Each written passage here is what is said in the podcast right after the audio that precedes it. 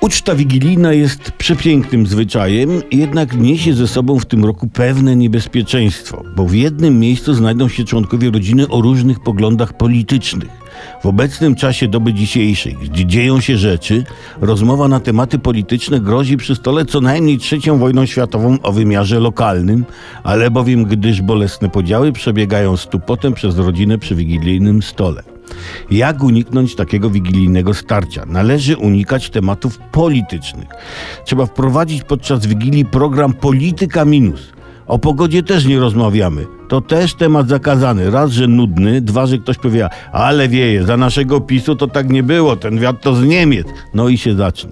Dlatego każdy uczestnik Wigilii powinien dostać do podpisania od gospodarzy spotkania deklarację zobowiązującą do nieporuszania tematów politycznych. W razie niedotrzymania zobowiązania pół godziny na balkonie o suchym ryju. Jednak na gospodarzach uczty powinien spoczywać obowiązek przygotowania niepolitycznych tematów do dyskusji. Do najciekawszych należą ceramika sumeryjska, Imperium Rzymskie w dobie reform Oktawiana Augusta, największe wyzwania kolonii na Marsie, mistycy nadreńscy, czy mieli rację, a także najładniejsze wzory płyt chodnikowych w naszej miejscowości.